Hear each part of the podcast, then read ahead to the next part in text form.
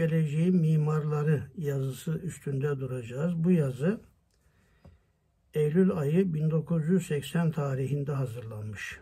Bir sene geçmiş ama yazı hala tazeliğini muhafaza ediyor. Yön vermeye, bizi işba ve ikna etmeye devam ediyor.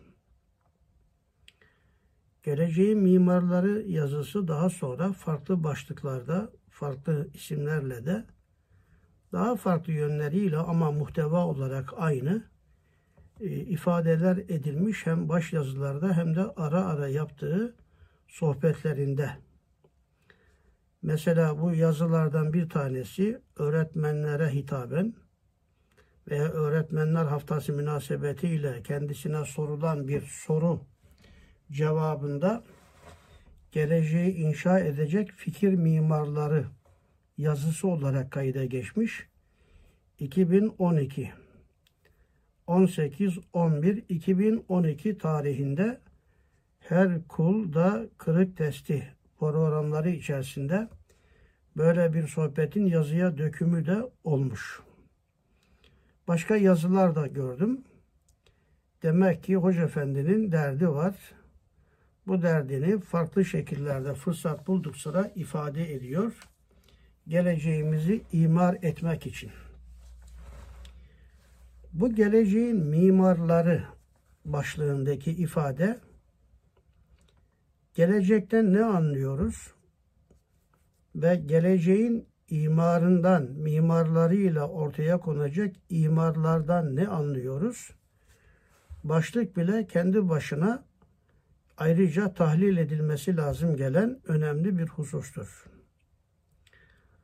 Alemi İslam üç asırdan beri yıkılmış, yıkılıyordu. Yıkılmanın da en alt derekesine inmiş ve yeniden ayağa kalkma dönemi başlamış üstadın o müthiş hamleleriyle.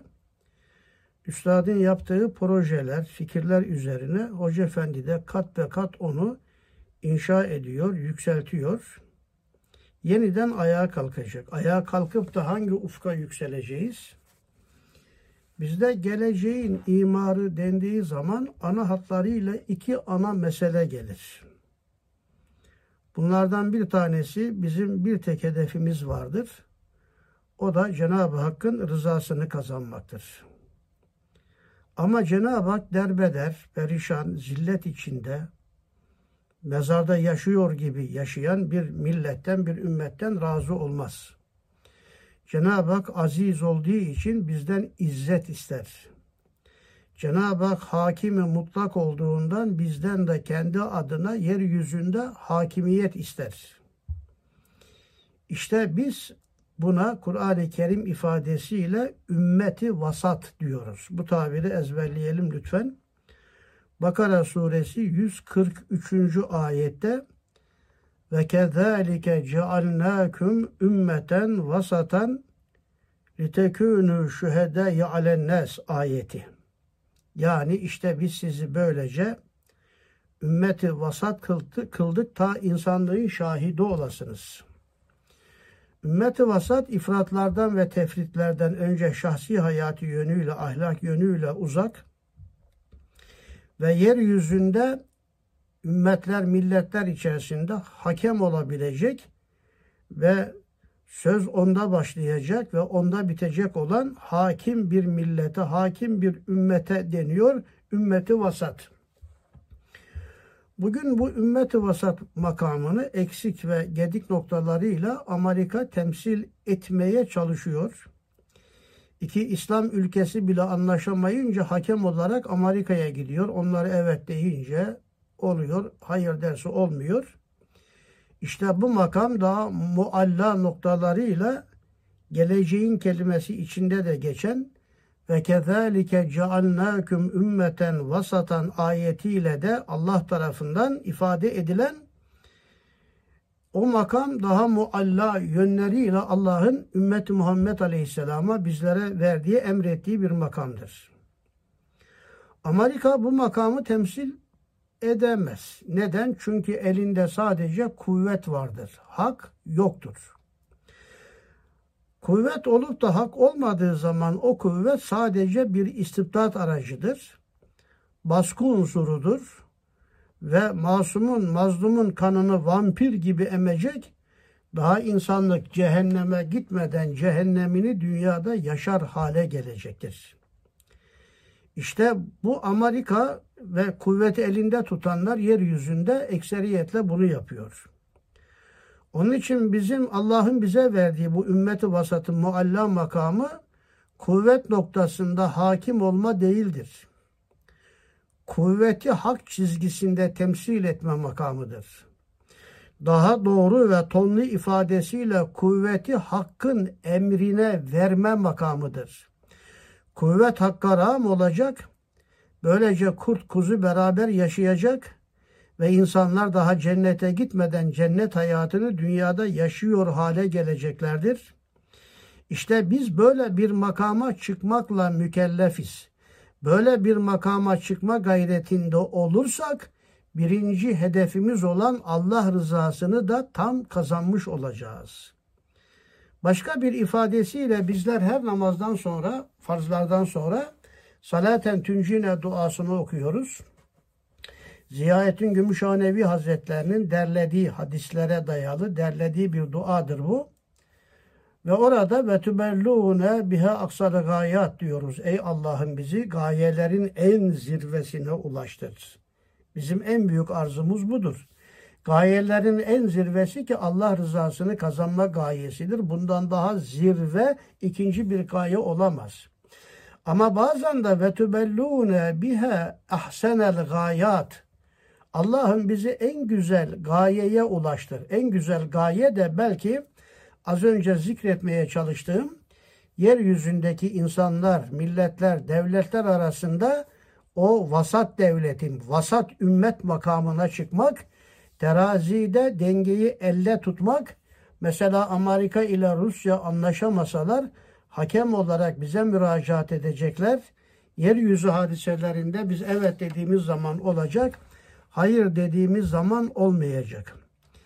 Bu gelecek kelimesini isterse ilahi kelimetullahın yeryüzünde, bütün yeryüzünde duyurulması, gönüllerin hakka ram olması gibi aynı manaya matuf farklı kelime ve cümlelerle de ifade edebiliriz. Bu geleceği inşa edecek olan mimarlar. Başlık üstünde biraz durmaya çalıştım. Mimar kelimesi bilirsiniz, biliyoruz. Yapılan yapıların tasarlarını çizen ve bunların gerçekleşmesini ve uygulamasını yöneten kimse demektir. Hem projeleri çizecek, fikir üretecek yani fikir mimarı ve aynı zamanda onları da yönetecek geleceğin mimarları. Kısaca başlık üstünde birkaç kelime serdettim. Bu geleceğin mimarları kelimesi paragrafında veya yazısında birinci paragrafı okuyacağım. Birinci paragrafın açılımı alt tarafta olacak. Ve bu geleceği inşa edecek hem fikir mimarları hem de bu projeyi yönetecekler fiilen. Altta saydım, üstünde durdum. 11 madde ile anlatılmış. Bakalım bizde bu 11 madde var mı? 32 sene geçmesine rağmen hala o noktada bir farklı mesafe kat edememişiz. Veya 31 sene geçmesine rağmen. Acaba bizde bu mimarlıkta bir pro problem mi var? Eksik miyiz? Niye tam inşa olmadı? Veya büyük davalar 300 senede yıkıldığına göre 300 senede mi acaba ayağa kalkabilecek zamana mı ihtiyacı var? Şöyle nefis muhasebesi de yaparak bu mesele üstünde bir beraberce duralım, durmak istiyoruz. Bu akşam bunun üstünde duracağız. Bir önceki sohbetlerde heyetinize sunmuştum bir tespitimi. Onunla tekrar başlamak isterim. Nasıl ayetler ayetleri tefsir ederler. En makbul tefsir ayetin ayetle tefsiridir. Sonra hadis-i şeriflerle ayetlerin tefsiridir. En makbul Risale dersi yine Risalelerin Risalelerle olan dersleridir. Bunun gibi Hoca Efendi'nin yazılarını okumak için de oradaki geçen bazı kelimeler, terminolojik ifadeleri Hoca Efendi başka yerde kendisine has, kendi hedeflediği, çerçevelediği usullerle anlatmış. Hoca Efendi'nin başka yerde o bazı kelimeleri anlattığı yazıları okumadan, bilmeden de onu buraya bu şekilde monte etmeden de buradaki anlatmak istediği mevzunun bütünlüğünü kavrayabilmekte biraz zor görünüyor. Mesela buradaki tabirlerden bir tanesi geleceği kuracak ve yükseltecek fikir işçileri tabiri. Bir defa geleceği kuracak ve yükseltecek olanlar fikir işçileridir. Bunun manayı muhalifi bu iş kaba kuvvetle olmaz, olmayacak demektir. Ben siyasal siyasal İslamcı kelimesini çok sevmiyorum. Siyasi yani İslam kelimesini de biraz böyle sulandıracak siyasal İslamcı çok gönlüme oturmuyor. İslam'ı kullanan İslamsız siyasalcılar diyebiliriz belki. Onların yaptığı gibi böyle IŞİD kafasında Boko Haram mantığında veya Taliban e, anlayışında böyle bir ordu kular kuralım, silahlanalım, cihat yapalım, keselim. Bunlarla gelecek imar edilmeyecek. Bu net. Onun için geleceği kuracak ve yükseltecek fikir işçileri tabiri oldukça dikkat çeken bir tabirdir. Ee, geleceği kuracak, kurmak ayrı bir şeydir.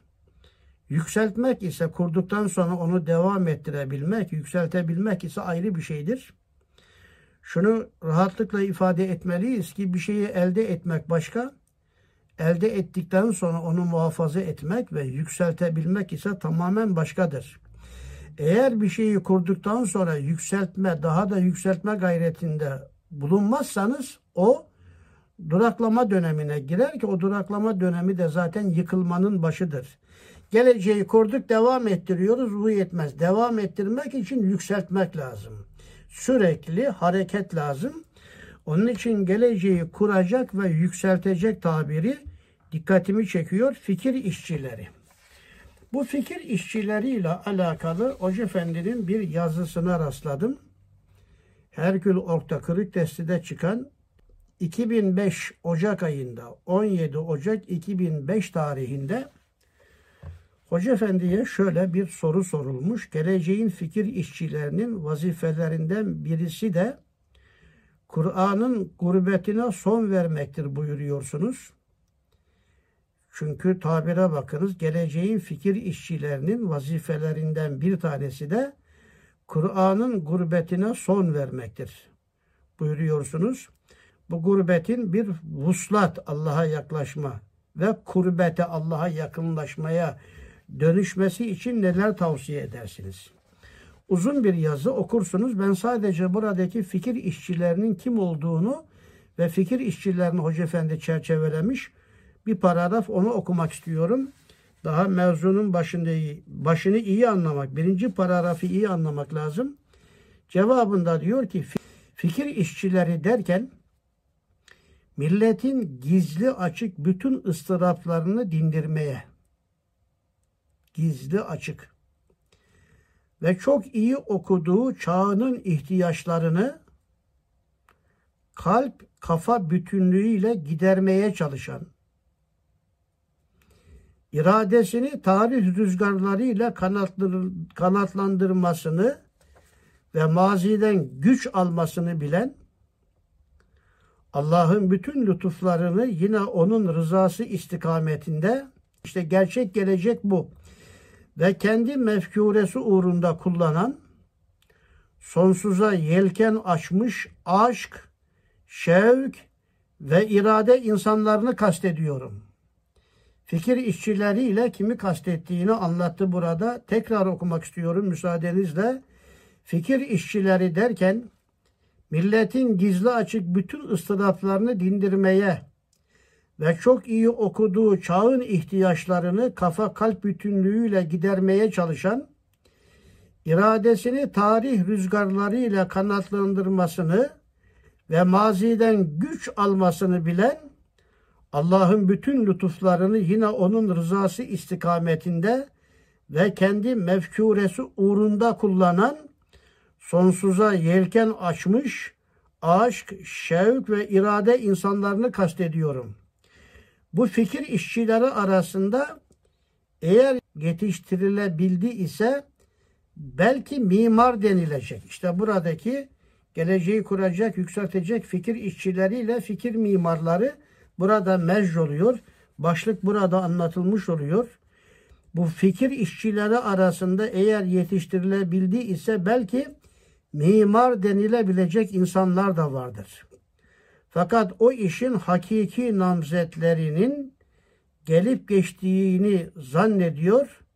Bir dönemde davaya omuz verenler arasında mimar seviyesinde insanlar bulunmuş olsa bile bugün milletin ihyası için gayret eden her ferdi birer fikir işçisi şeklinde görmek gerektiğine inanıyorum.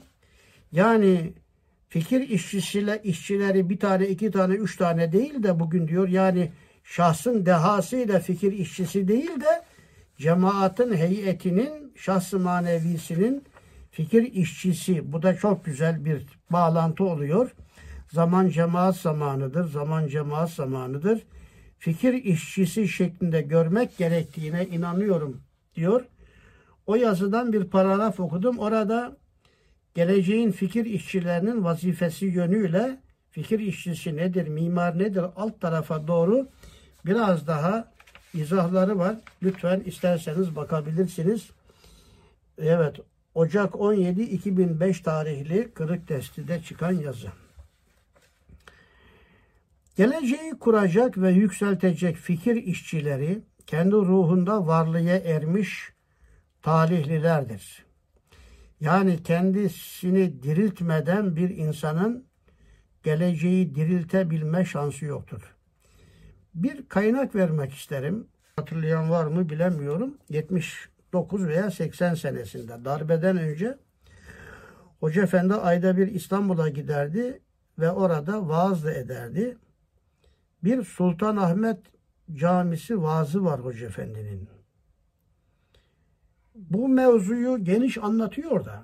Fakat oradaki bakış açısıyla bir vaazı ben sadece o vaazda dinledim. Yani kendim orada yoktum da banttan dinledim. İslam'a hizmetin çıkış noktası ben tırnak içinde ben mahrecinden huruç olmalıdır. Yani lime tekulune ma la tefalun ayetini ağlayarak bir saat bir saatten biraz geçiyor muydu bilemiyorum. Öyle anlattı ki çok acayip bir vaazdır o. Yani kendi ruhunda varlığa ermeden başkalarına varlık aşılayabilmesi, varlık sunabilmesi mümkün değildir. Kendi ruhunda varlığa ermiş talihlilerdir fikir işçileri.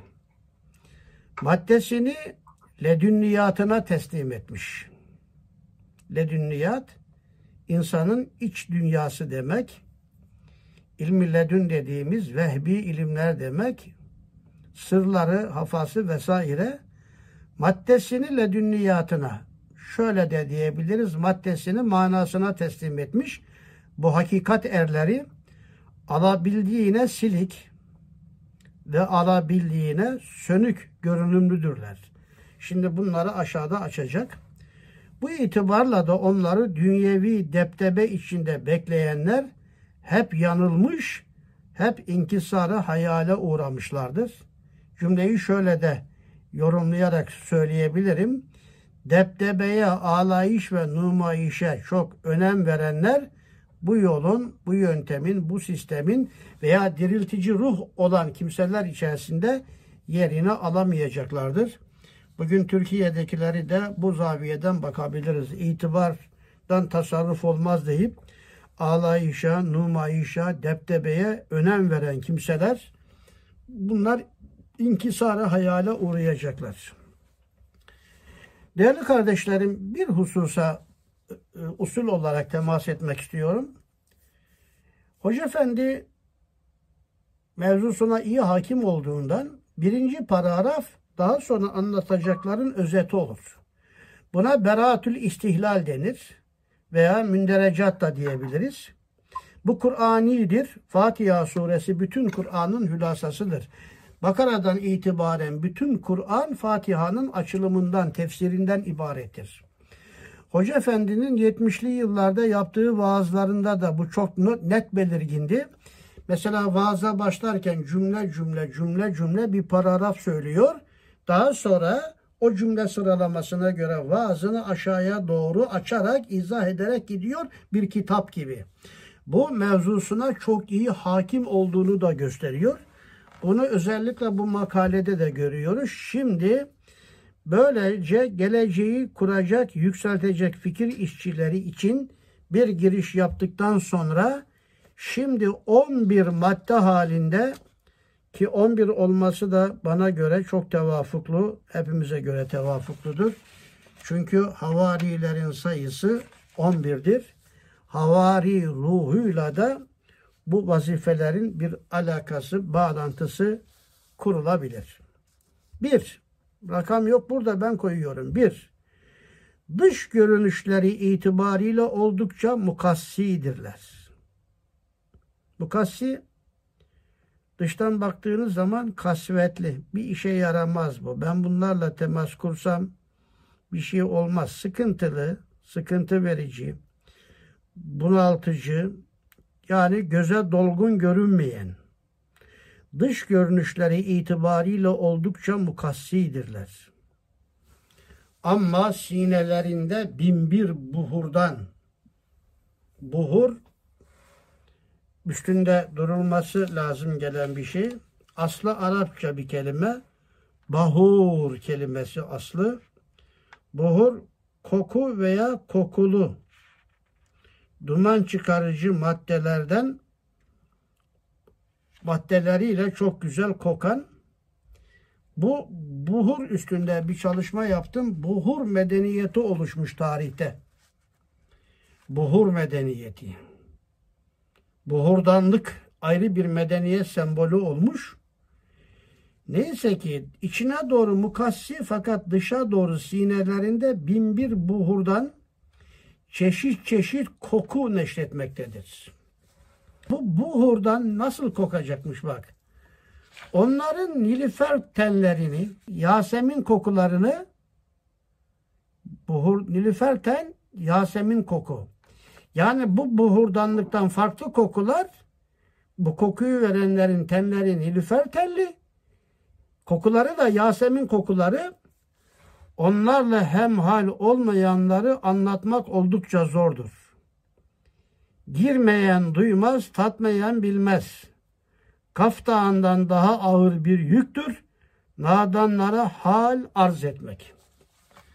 Bu Nilüfer ten üstünde birazcık araştırma yaptım hatırınıza. Yaprakları yuvarlak ve geniş, herkesin rahat uzaktan da görebileceği bir şekil. Çiçekleri beyaz, sarı, mavi, pembe. Yani bu nilüfergillerde her renk var. İleride hizmetti yani içi mukassi ama dışında buhurdanlık olan kimseler hizmetin içinde rengarenk insanlar bulunacak. Yani yeryüzünde kaç tenli, renkli ırk, millet varsa nilüfer tenleri buna dikkat çekiyor. Yani beyaz, sarı, mavi, pembe ve durgun sularda veya havuzlarda yetişen bir su bitkisi olarak ifade edilmiş. Hoca Efendi ta bunu o küsur sene önce yakalamış. O zaman her renkten insan yoktu bizde. Onların nilüfer tenlerini bir de Yasemin kokularını. Yasemin'i araştırdım. Yasemin çok sevilen bir koku. Niye çok sevilen bir koku? Üç maddesi var veya dört, dört özelliği var. Bir özgüven arttırıcı. Demek ki Yasemin kokusunda özgüveni arttırıcı bir koku varmış. Yasemin kokusu sürünürseniz sizin yanınıza gelip o kokuyu duyanlar size güven sağlarmış. Ve pozitif duygulara arttırıcı. Çağımızın en büyük hastalığı olan sıkıntı, stresleri giderici bu anlamda antidepresan bir kokudur ve duygusal anlamda yatıştırıcı özelliğe sahiptir ve muhteşem kokusunu hiç kimse bir defa duyar, duyarsa o anda koklarsa daha sonra unutmaz. Neydi o koku be? Neydi o koku be diye hatırlayıp durur. Demek ki bu birinci maddeyi bir defa daha okuyorum. Geleceğin mimarlarının birinci özelliği dış görünüşleri itibariyle oldukça mukassi ama sinelerinde binbir buhurdan çeşit çeşit koku neşretmektedir. Onlar nilüfer tenlerini, onların nilüfer tenlerini, Yasemin kokularını onlarla hemhal olmayanlara anlatmak oldukça zordur. Çünkü mennem yazık lem yediri demişler eskiler. Tatmayan bilmez. Girmeyen duymaz. Yani bu cemaatin içine girip de bu kokuları duymayan gerçekten çok şeyden mahrum tatmayan bilmez. Kaf Dağı'ndan daha ağır bir yüktür.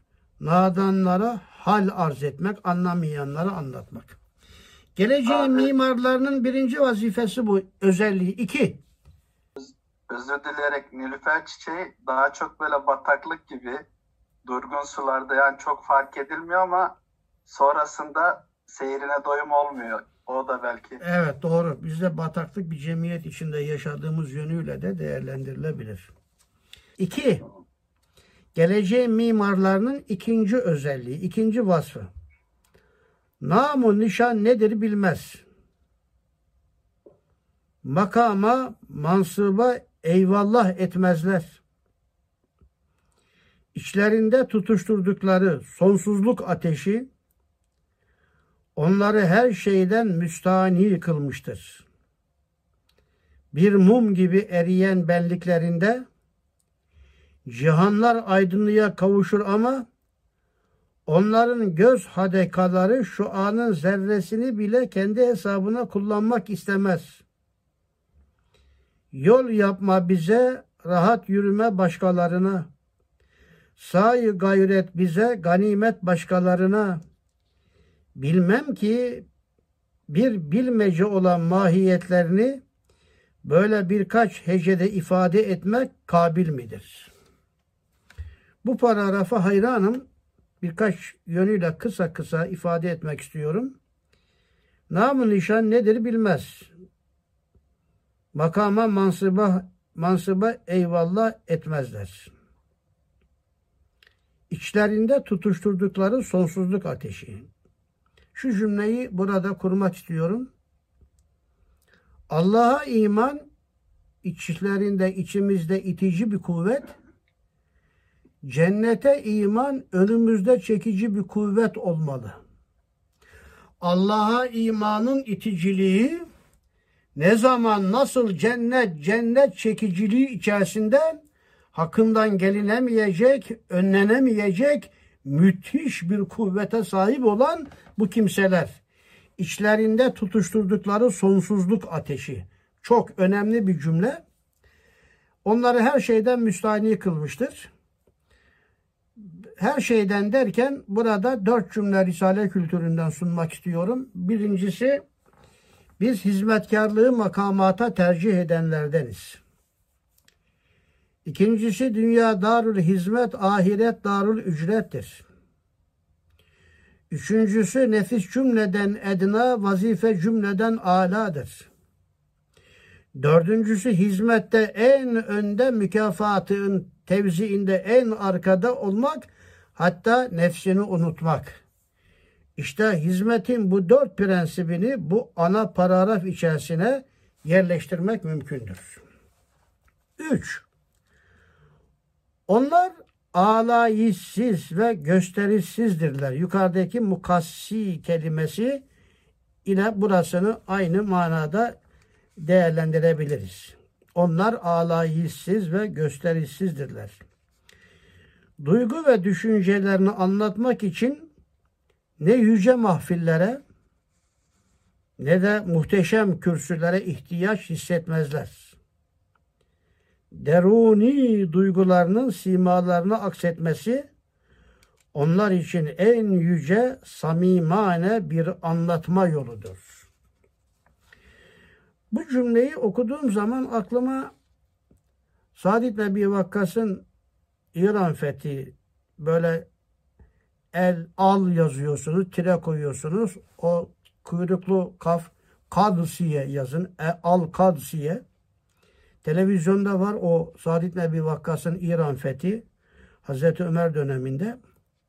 iki ay nehrin bu tarafında kalmışlar. Düşman nehri geçsin diye beklemişler. O anda üç tane elçisini gönderdi Sa'd ibn Ebi Vakkas İran Şahı'na. Daha önce, Şah'tan önce o ordu kumandanı, kumandanı üsteme gönderdi. Böyle çadırın içine girdiler. Sırtlarında bir çuval gibi bir şey var. Hiçbir ağlayış, numayiş yok. Giyinmeleri çok basit. Çadıra girdiler. Atlar eğersiz. Atlar Atlar eğersiz. eğersiz Hiçbir şey yok. Çadıra girdiler. Böyle koltuk gibi bir şey koymuşlar o günkü şartlarda. Puf bir şey. Ya biz dediler böyle koltuk gibi lüks yerlere oturmaz. Yere diş çöktü ama onlarla da dalga geçiyor. Oynuyor onlarla. Yani sırtlarında bir çuval hiçbir servetleri bir şeyleri yok ama dünyaya meydan okumuşlar. Bu sahabe-i kiramın tamamı böyle. Bu ruh çok önemli. Onlar için en yüce, en samimane bir anlatma yoludur. Samimane kelimesi üstünde durmam gerekiyor bir iki kelime ile. Samimi olmak çok önemli. İçtenlikle, içten gelerek, açık yüreklilik, candan manalarına gelen samimi kelimesi ihlasla eşdeğer olarak anlatılmıştır. Hadis kitaplarında başlıklar samimiyet ve ihlas, ihlas samimiyet kelimesiyle beraber başlık olarak, bab olarak veya kitap olarak anlatılmıştır.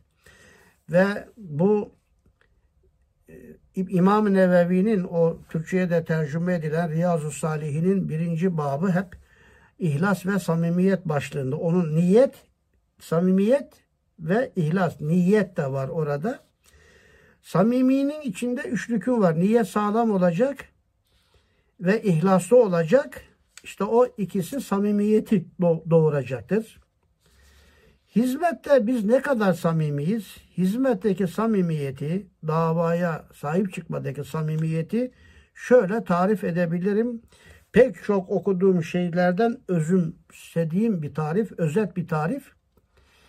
Hizmete veya davaya ait en küçük bir işi, en küçük bir meseleyi şahsımıza ait, dünyaya ait en büyük işlerden daha büyük tutabiliyorsak işte biz samimiyiz demektir.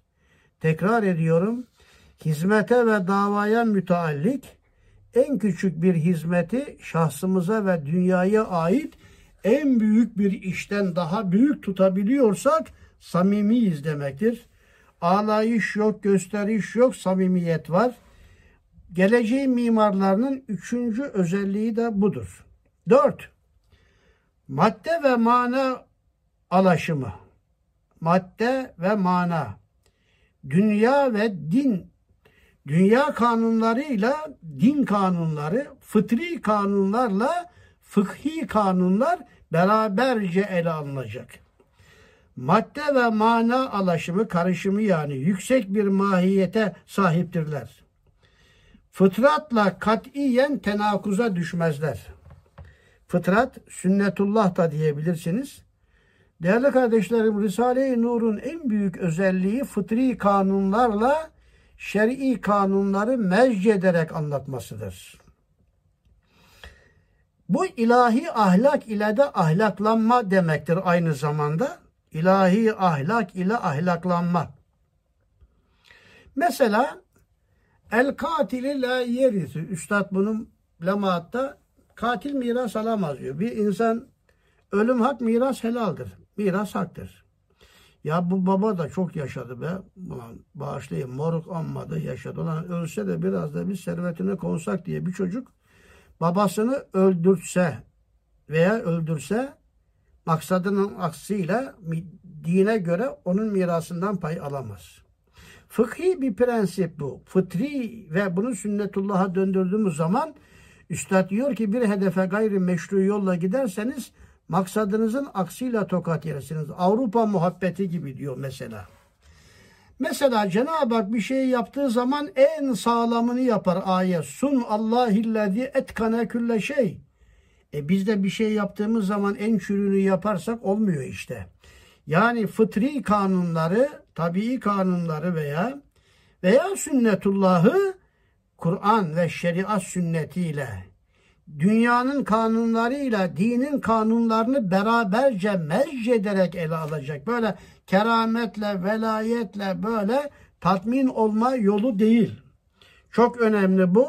Madde mana alaşımı yüksek bir mahiyete sahiptirler. Fıtratla katiyen tenakuza düşmezler. Fıtratla çatışmamak. Ben bunu Hoca Efendi'nin hayatında çok gördüm. Mesela bir arkadaşımızın tayinini bir ilden bir başka ile çıkartıyordu. O zaman tayinleri kendisi okurdu. Şimdilik bir git bakalım orada birkaç gün kal hemen acele değil derdi. Sen gittin orada birkaç gün kaldın orada hemen alışıyorsun arkadaş buluyorsun. Ondan sonra gidiyorsun. Yani oraya hemen taşınıyorsun. Fıtri yani ısındırma çok çok olurdu bu. Evet burada okudum maddeleri birer gergef inceliği içinde hem sünnetullah hem Kur'an sünneti hem din hem dünya kanunlarını bir gergef gibi inceliği içinde ve tamamen mananın emrinde. Bu da çok geniş anlatılabilirdi. Geçiyorum. Beşinci özellik dayanıklıdırlar ve darılma bilmezler. Bu dayanıklı ve darılma bilmezleri okuduğum zaman arkadaşlar eskiden beri hizmet rehberinde de geçen ve Risale'deki kaynağını da buldum. 14. şu ada geçiyor. Bir mektupta Üstad demiş ki ey demir gibi sarsılmaz kardeşlerim. Tabire bak. 488. sayfada ey demir gibi sarsılmaz kardeşlerim. Üstadım o günkü şartları içinde bana yardım ediniz. Meselemiz çok naziktir. Ben sizlere çok güveniyordum ki bütün vazifelerimi şahsı manevinize bırakmıştım. Sizin de bütün kuvvetinizle benim imdadıma koşmanız lazım geliyor. Gerçi hadise pek cüz'i ve geçici ve küçük idi. Fakat saatimizin zembereğine ve gözümüzün hadekasına gelen bir saç bir zerrecik dahi incitir. Bu noktada ve bu noktada ehemmiyetlidir ki maddi üç patlak ve üç müşahadeler tam tamına haber verdiler. Yukarıda mektupta bunların ne olduğunu anlatıyor. Yani hiçbir şartta sarsılmamak, dayanıklı ve daima sarsılmazlar. Darıl, darılma bilmezler. Musamaha atmosferine çarpan ister bize düşmanlık yapanlara karşı isterse kendi içimizdeki birbirimize karşı bazen kırıcı tavır ve davranışlara karşı musamaha atmosferine çarpan kin ve öfke şahapları onların yakıcı ve eritici havalarıyla iz bırakmadan kaybolur gider. Dünyamızın atmosferine giren meteor taşlarının eriyip kaybolup gitmesi gibi. Yunus'un diliyle dövene elsiz, sövene dilsiz ve gönülsüzdürler. Gönülsüz derken onların kalpsiz oldukları zannedilmesin. Onların içinde binbir hüznün, binbir sevincin bilmecesi nümayandır. Hem hüzün hem sevinç çarpışması bir insanın hayatında en heyecanlı olduğu an budur. Hem hüzün zirvede hem zevk, sürur zirvede ise bir insan için en heyecanlı an budur. Tıpkı uçağın havada hava boşluğunda biraz pat diye düşmesi gibi. Çünkü oradaki hava boşluğunda uçağın sallanması sıcak hava ile soğuk havanın en şiddetli çarpıştığı yerdir orası. Ve orası çok heyecanlı olur. Evet, içimizdeki nefse emmare böyle bir eziklik kardeşimizden hakaret görmek istemez.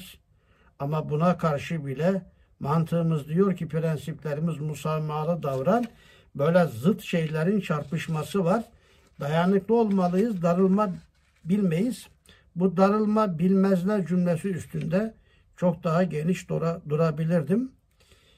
Sadece Zübeyir Gündüz Alp abinin o muhasebesi, nefis muhasebesi kitabından bir parça buraya monte etmek istiyorum. E, din ve dava kardeşlerinden gelen hakareti iltifat, tokadı takdir, tükürüğü miski amber kabul etmedikten sonra sen din ve dava adamı olamazsın. Çok uç noktada bir prensip bu. Tekrar edeyim, din ve dava kardeşlerinizden gelen hakareti iltifat, tokadı takdir, tükürüğü miski amber kabul etmedikten sonra sen din ve dava adamı olamazsın. Evet darılma bilmezlere en can alıcı misal budur. Altıncı maddeye geldim. Kendi saadetlerine karşı yabancı ve alabildiğine diyargandırlar, fedakar. Nübüvvetin özünden gelen bir uzantı ile daha çok başkalarının lezzet ve acılarıyla dolu ve onlar için vardırlar. Bu hususta bir küçük çalışma heyetinize sunmak isterim. Hazreti Ebu Bekir Efendimizin Ya Rabbi cehen vücudumu öyle büyült, öyle büyült ki cehennemi ben doldurayım. Ta başka ehli imana yer kalmasın. Bu hiçbir insana yer kalmasın değil. Ehli imana yer kalmasın. Hazreti Ebu Bekir'in ifadesi budur. Şemseddin Sivasi Hazretlerinin Cihar-ı Yar-ı Güzin kitabının 25. sayfasında geçiyor bu Hazreti Ebu Bekir Efendimizin sözü. Ne kadar güçlü kaynak kabul edilir bilemem ama halk arasında insanlardan hiçbir insana yer kalmasın. O zaman Allah kafirleri cehenneme koyacak. Biz Allah'ın şefkatinden daha mı yüksek şefkate sahibiz? Hayır. Hazreti Ebu Bekir Efendimiz cehennemde vücudun büyüsün ta ehli imana yer kalmasın sözü. Ve Efendimiz Aleyhisselam Hazreti Ebu Bekir'in bu yönünü takdir etmiş. Buyuruyor ki Fethur Rabbani'de ve Ahmed İbn Hanbel'in müsnedinde bir de Ebu Davud'un müsnedinde Efendimiz Aleyhisselam ümmetime karşı en merhametli Ebu Bekir'dir buyurmuş. Ümmetime karşı en merhametli Ebu Bekir işte bundan kaynaklanıyor. Üstad Hazretlerinin de milletimin imanını selamette görürsem cehennemin alevleri içinde yanmaya razıyım sözü kendi saadetinden daha ziyade karşı yabancı yabancı ve alabildiğine diyargan karşı tarafa nübüvvetten gelen bu husus yani bu geleceğin mimarları kendisi için değil milleti için, ümmet için, insanlık için yaşamalı. Üstadın bu sözü de bunu ifade ediyor. Dünyada İmam Gazali diyor ki Ebu Süleyman Et-Darani'nin sözü olarak Ebu Süleyman Et-Darani şöyle demiş. Allah bütün insanları cennete koy, cennete koysa bir kişi cehenneme gidecek. Ya Süleyman sen cehenneme git insanlık adına yeter. Ben diğer insanları eğer kabul edersen cennete koyacak, koyacağım dese Allah'ın bu teklifine ben evet derim diyor. Allah bütün insanları cennete koysa yalnız beni cehenneme koysa ben buna razı olurum demiş.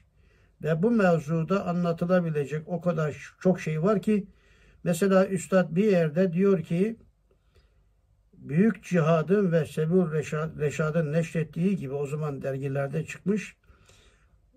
Ben ilan etmişim ki dine, imana hizmeti ve Risale-i Nur'u değil dünya siyasetine belki kemalat-ı maneviyeye ve makamat-ı aliyeye alet edemediğim gibi herkesin hoş gördüğü saadet-i uhreviye ve cehennemden kurtulmaya vesile etmemek.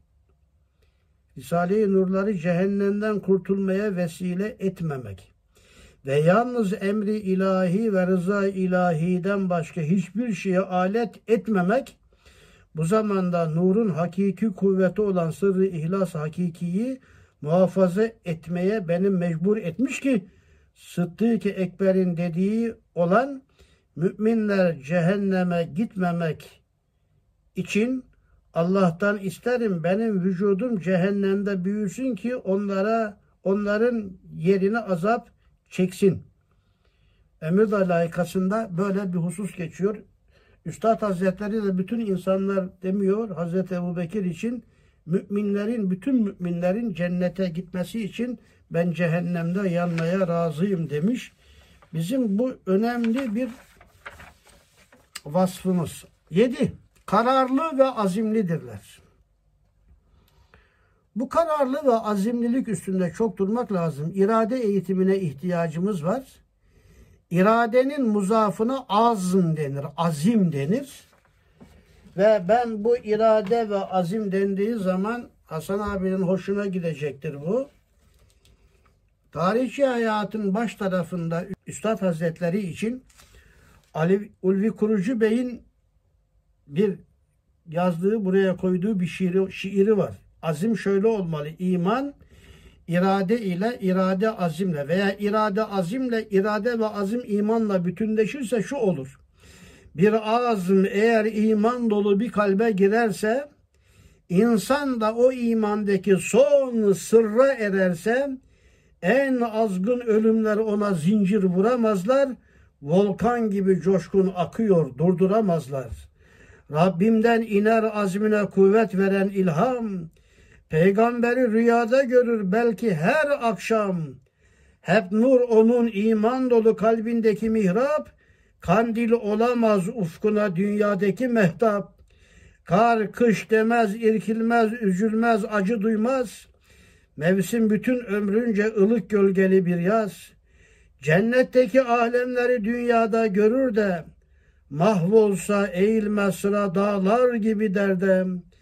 En sarp uçurumlar gelip etrafını sarsa, ay bassa, güneş sönse, ufuklar da kararsa, gökler yıkılıp çökse yolundan yine dönmez, ruhundaki imanla yanan meşale sönmez.''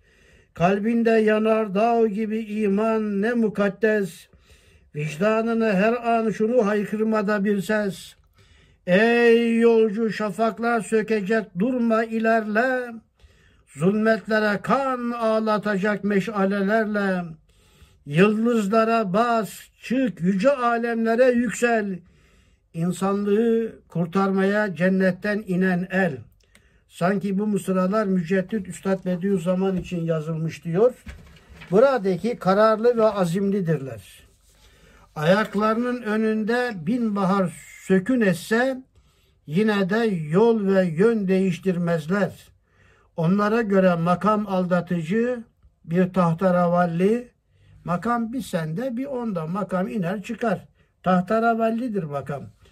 Mansıp buz üzerinde bir yazı, tabire bak. Makam bir tahtaravalli aldatıcı, mansıp buz üzerinde bir yazı, servet fırtınalarla yer değiştiren çer çöpten ibarettir. E, en zenginlerimizin de şimdi en fakir olduğunu gördük yani. Sekiz, solmayan güzelliklere gönül kaptırmış. Bu yüce kâmetler için cennet hurilerinin perdedarlığı dahi onların gözlerini kaydıramaz.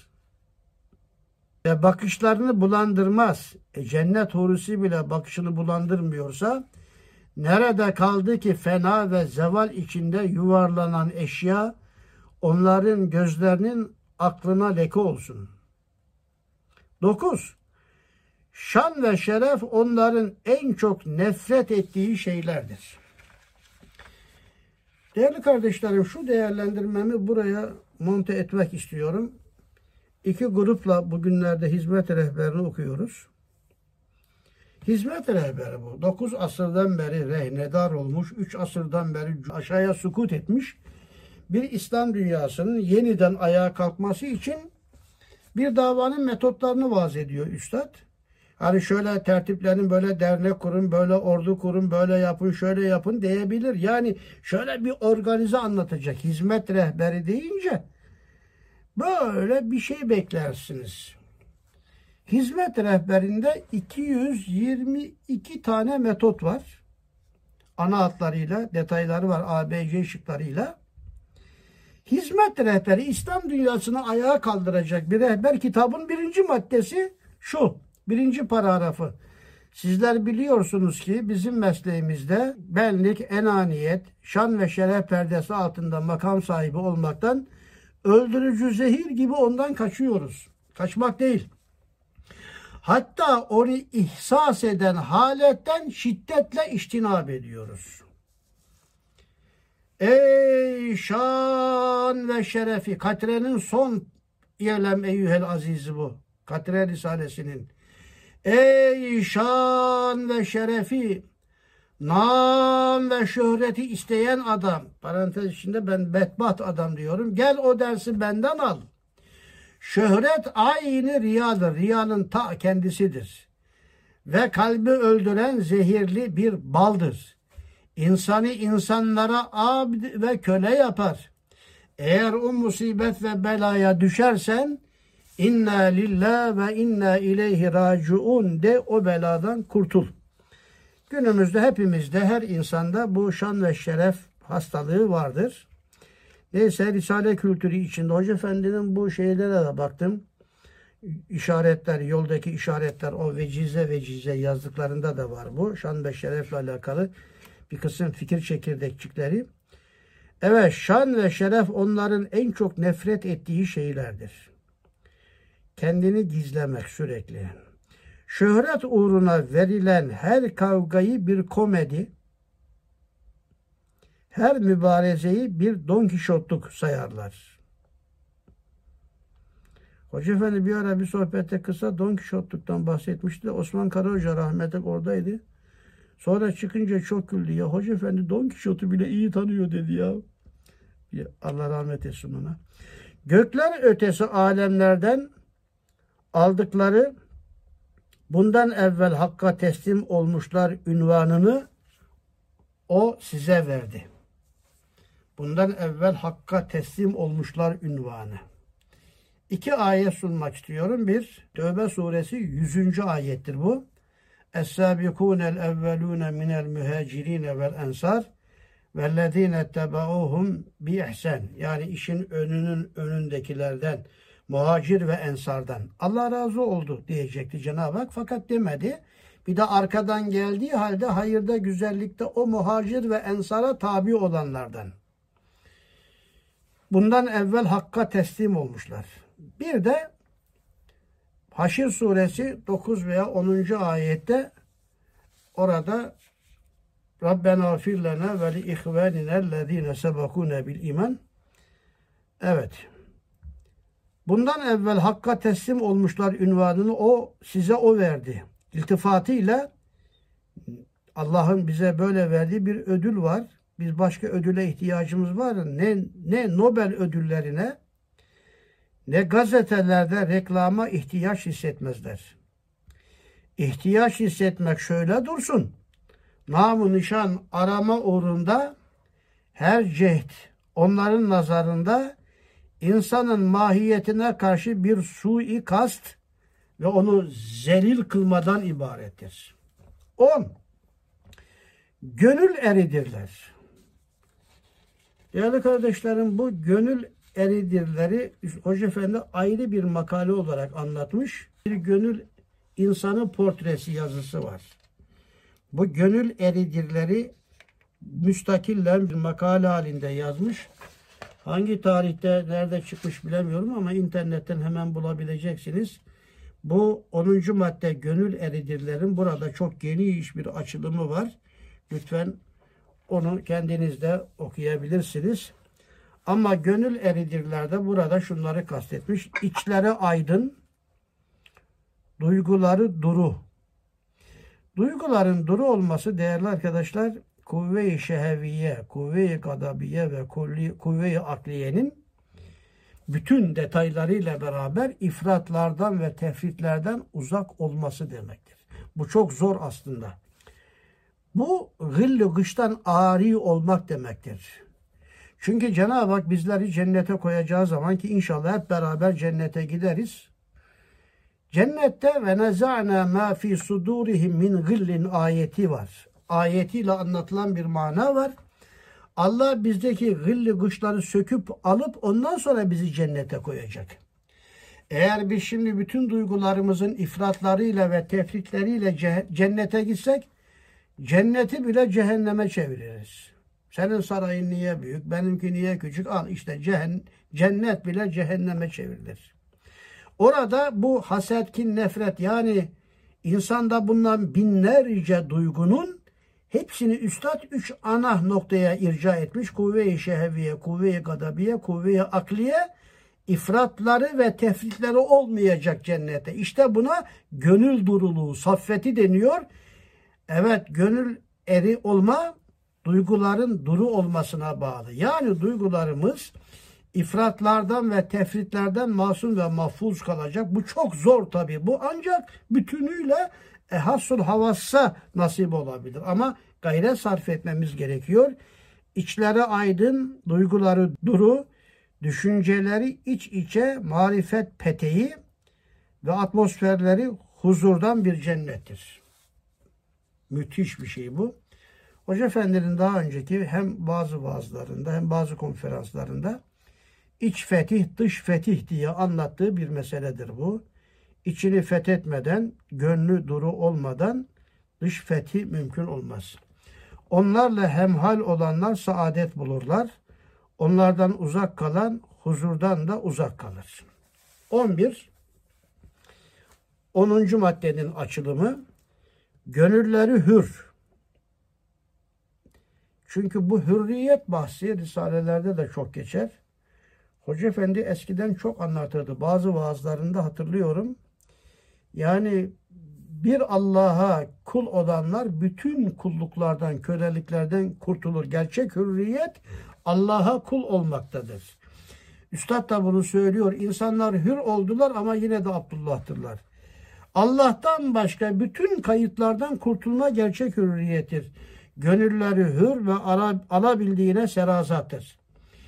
Hiçbir fani kement o sülün boyunlara tasmalık edememiştir. Ne var ki Hakk'a esaret de onların en yüce şiarıdır. Kul oldum, kul oldum. Her bende hürriyete erince şat olur. Ben sana kulluğumla gıpta ve sevince erdim. Mevlana sözü vaazlarında çok geçer bu sözü. Gönüllerin hürriyet ve esaret destanıdır. İhtiraslar onların ufkuna ufkunu kirletmez. Şehvetler dünyalarında konaklayacak yer bulamaz.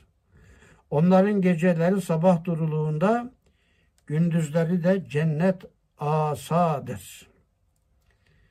Burada şimdi Hoca Efendi'nin Fatiha üzerine mülahazaları okuyorum. Çok acayip bir şey anlatmış. İlk defa dikkatimi çekti. Efendimiz Aleyhisselam'ın elbette risalet makamı çok yüce. Fakat risalet makamı Efendimiz ölünce bitiyor. Öldükten sonra Efendimizin lakabı olarak sadece abd makamı kalıyor. Eğer risalete bir makam gözüyle bakacaksak o bile geçicidir aslında. Dünyevi mallar, servetler, mansıplar, cahlar, dünyalık makamlar, şöhretler hepsi muhakkat. Eğer Allah Velayet devam etmiyor mu hocam? Velayet. E cennette bir belli öldükten sonra bitiyor onlar da yani. Ahiretteki manevi makam olarak devam edecekler. Ahiretteki manevi makam olarak devam eder. Dünyada o da bitiyor. Yani burada gönülleri hür ve alabildiğine serazattır. Hiçbir fani kement o sülün boyunlara tasmalık edememiştir. Ne var ki Hakk'a esaret de onların en yüce şiarıdır. İşte Hakk'a esir olduktan sonra bütün esaretlerden kurtulur. Eskiden e, Hoca Efendi'nin bu mevzuda vaazlarını bir iki konferansını da hatırlıyorum. Ve sonuca geldik. Yıllar yılı bağrı yanık ve yıkık Anadolu insanı hep bu gönül mimarlarını bekleyip durdu. Daha ne kadar bekleyeceğini kestirmek de oldukça zordur. Ancak bizler ümidimizden bir şey kaybetmeden doğuş beklediğimiz ufka yönelerek rahmeti sonsuza yakarışa devam edeceğiz. Doğuş beklediğimiz ufka yönelerek yaratan Allah'tır, Allah'a yöneleceğiz manasında olduğu gibi Hazreti Ömer cihada bir ordu gönderince Medine'de işleri biter bitmez Medine'nin dışına çıkar. O ordunun geleceği ufka doğru bak bakardı. Acaba bir haber var mı diye. Biraz öyle bir şey de burada tasvir ediliyor. Doğuş beklediğimiz ufka yönelerek rahmeti sonsuza yakarışa devam edeceğiz. O yıkılan kalp ve ruh surlarımızın tamirinde bizi daha fazla bekletmesin diyor. Cenab-ı Hak bizi bu mevzuda daha fazla bekletmesin diyor. Ya bunları Hoca Efendi o kadar sene önce yazmış. Tabi biz bunları böyle okuduk geçtik. İşte Hoca Efendi de bir şey diyor yani. Allah razı olsun ama bunlara göre nasıl şekilleneceğiz? Bunlara göre nasıl tavır alacağız? Neler yapacağız? Bunların üstünde maalesef çok durmamışız yani. Son zamanlarda aklıma şunlar geliyor. Hoca Efendi'nin mesela bu eskiden haftalık yaptığı, bazen ayda bir yapardı. Bugün yine bir 27 dakikalık yeni bir sohbetini koymuşlar. Hoca Efendi'nin oradaki şeyleri alıp buna göre biz ne yapmamız lazım? Burada verilen fikre göre, beklenene göre biraz gündemler buna göre şekillenmeli. O hafta, o ay anlatacaklarımız, yapacaklarımız buna göre şekillenmeli. Biz bir çark tutturmuşuz, gidiyoruz. Hoca Efendi bir şey diyor, iyi bize bir nasihat etti deyip yolumuza devam edersek herhalde bu olmayacak. Hoca Efendi böyle bir e, gönül mimarlarının gelmesini bekliyor. Sohbetin sonunda Hoca Efendi'nin yine 1985 Nisan ayındaki sızıntı sayısında çıkan sonra Kırık Mızrap kitabında yerini, alan Kalk Yiğidim e, şiiriyle sohbeti bitirmek istiyorum. Şimdiki ifadesiyle noktalamak istiyorum. Kalk ey yiğit uykudan, kalk ki bağrımdan alan, sensiz geçen günlerde, geziyorum dünlerde, hep mahzun ve kederli bizleri terk edeli. Yiğidim görün artık, görün ki çok bunaldık. Canlarımız gırtlakta, son kelime dudakta. Gülümse milletine, susadık himmetine. Kalmadı hiç gücümüz, bizler bir sürü öksüz. Hep itilip takıldık, kakıldık. Dört bir yana atıldık. Hicran üstüne hicran, dahasına yok derman. Her gece hayaldesin, sözlerde, dillerdesin. Bir ömür boyu böyle, gel artık bir şey söyle. Ne olur acı bize, yıkıldık, geldik dize. Ve biz hala kendisini bekletmeye devam ediyoruz. İnşallah bekletmeyeceğiz. Kendisine e, inşallah büyük müjdelerle gideceğiz. Böylece geleceğin mimarları yazısını okumuş olduk. Ali heyetinizle beraber ben de gerçekten müşerref oldum sayenizde biraz daha derinlemesine incelemiş oluyorum.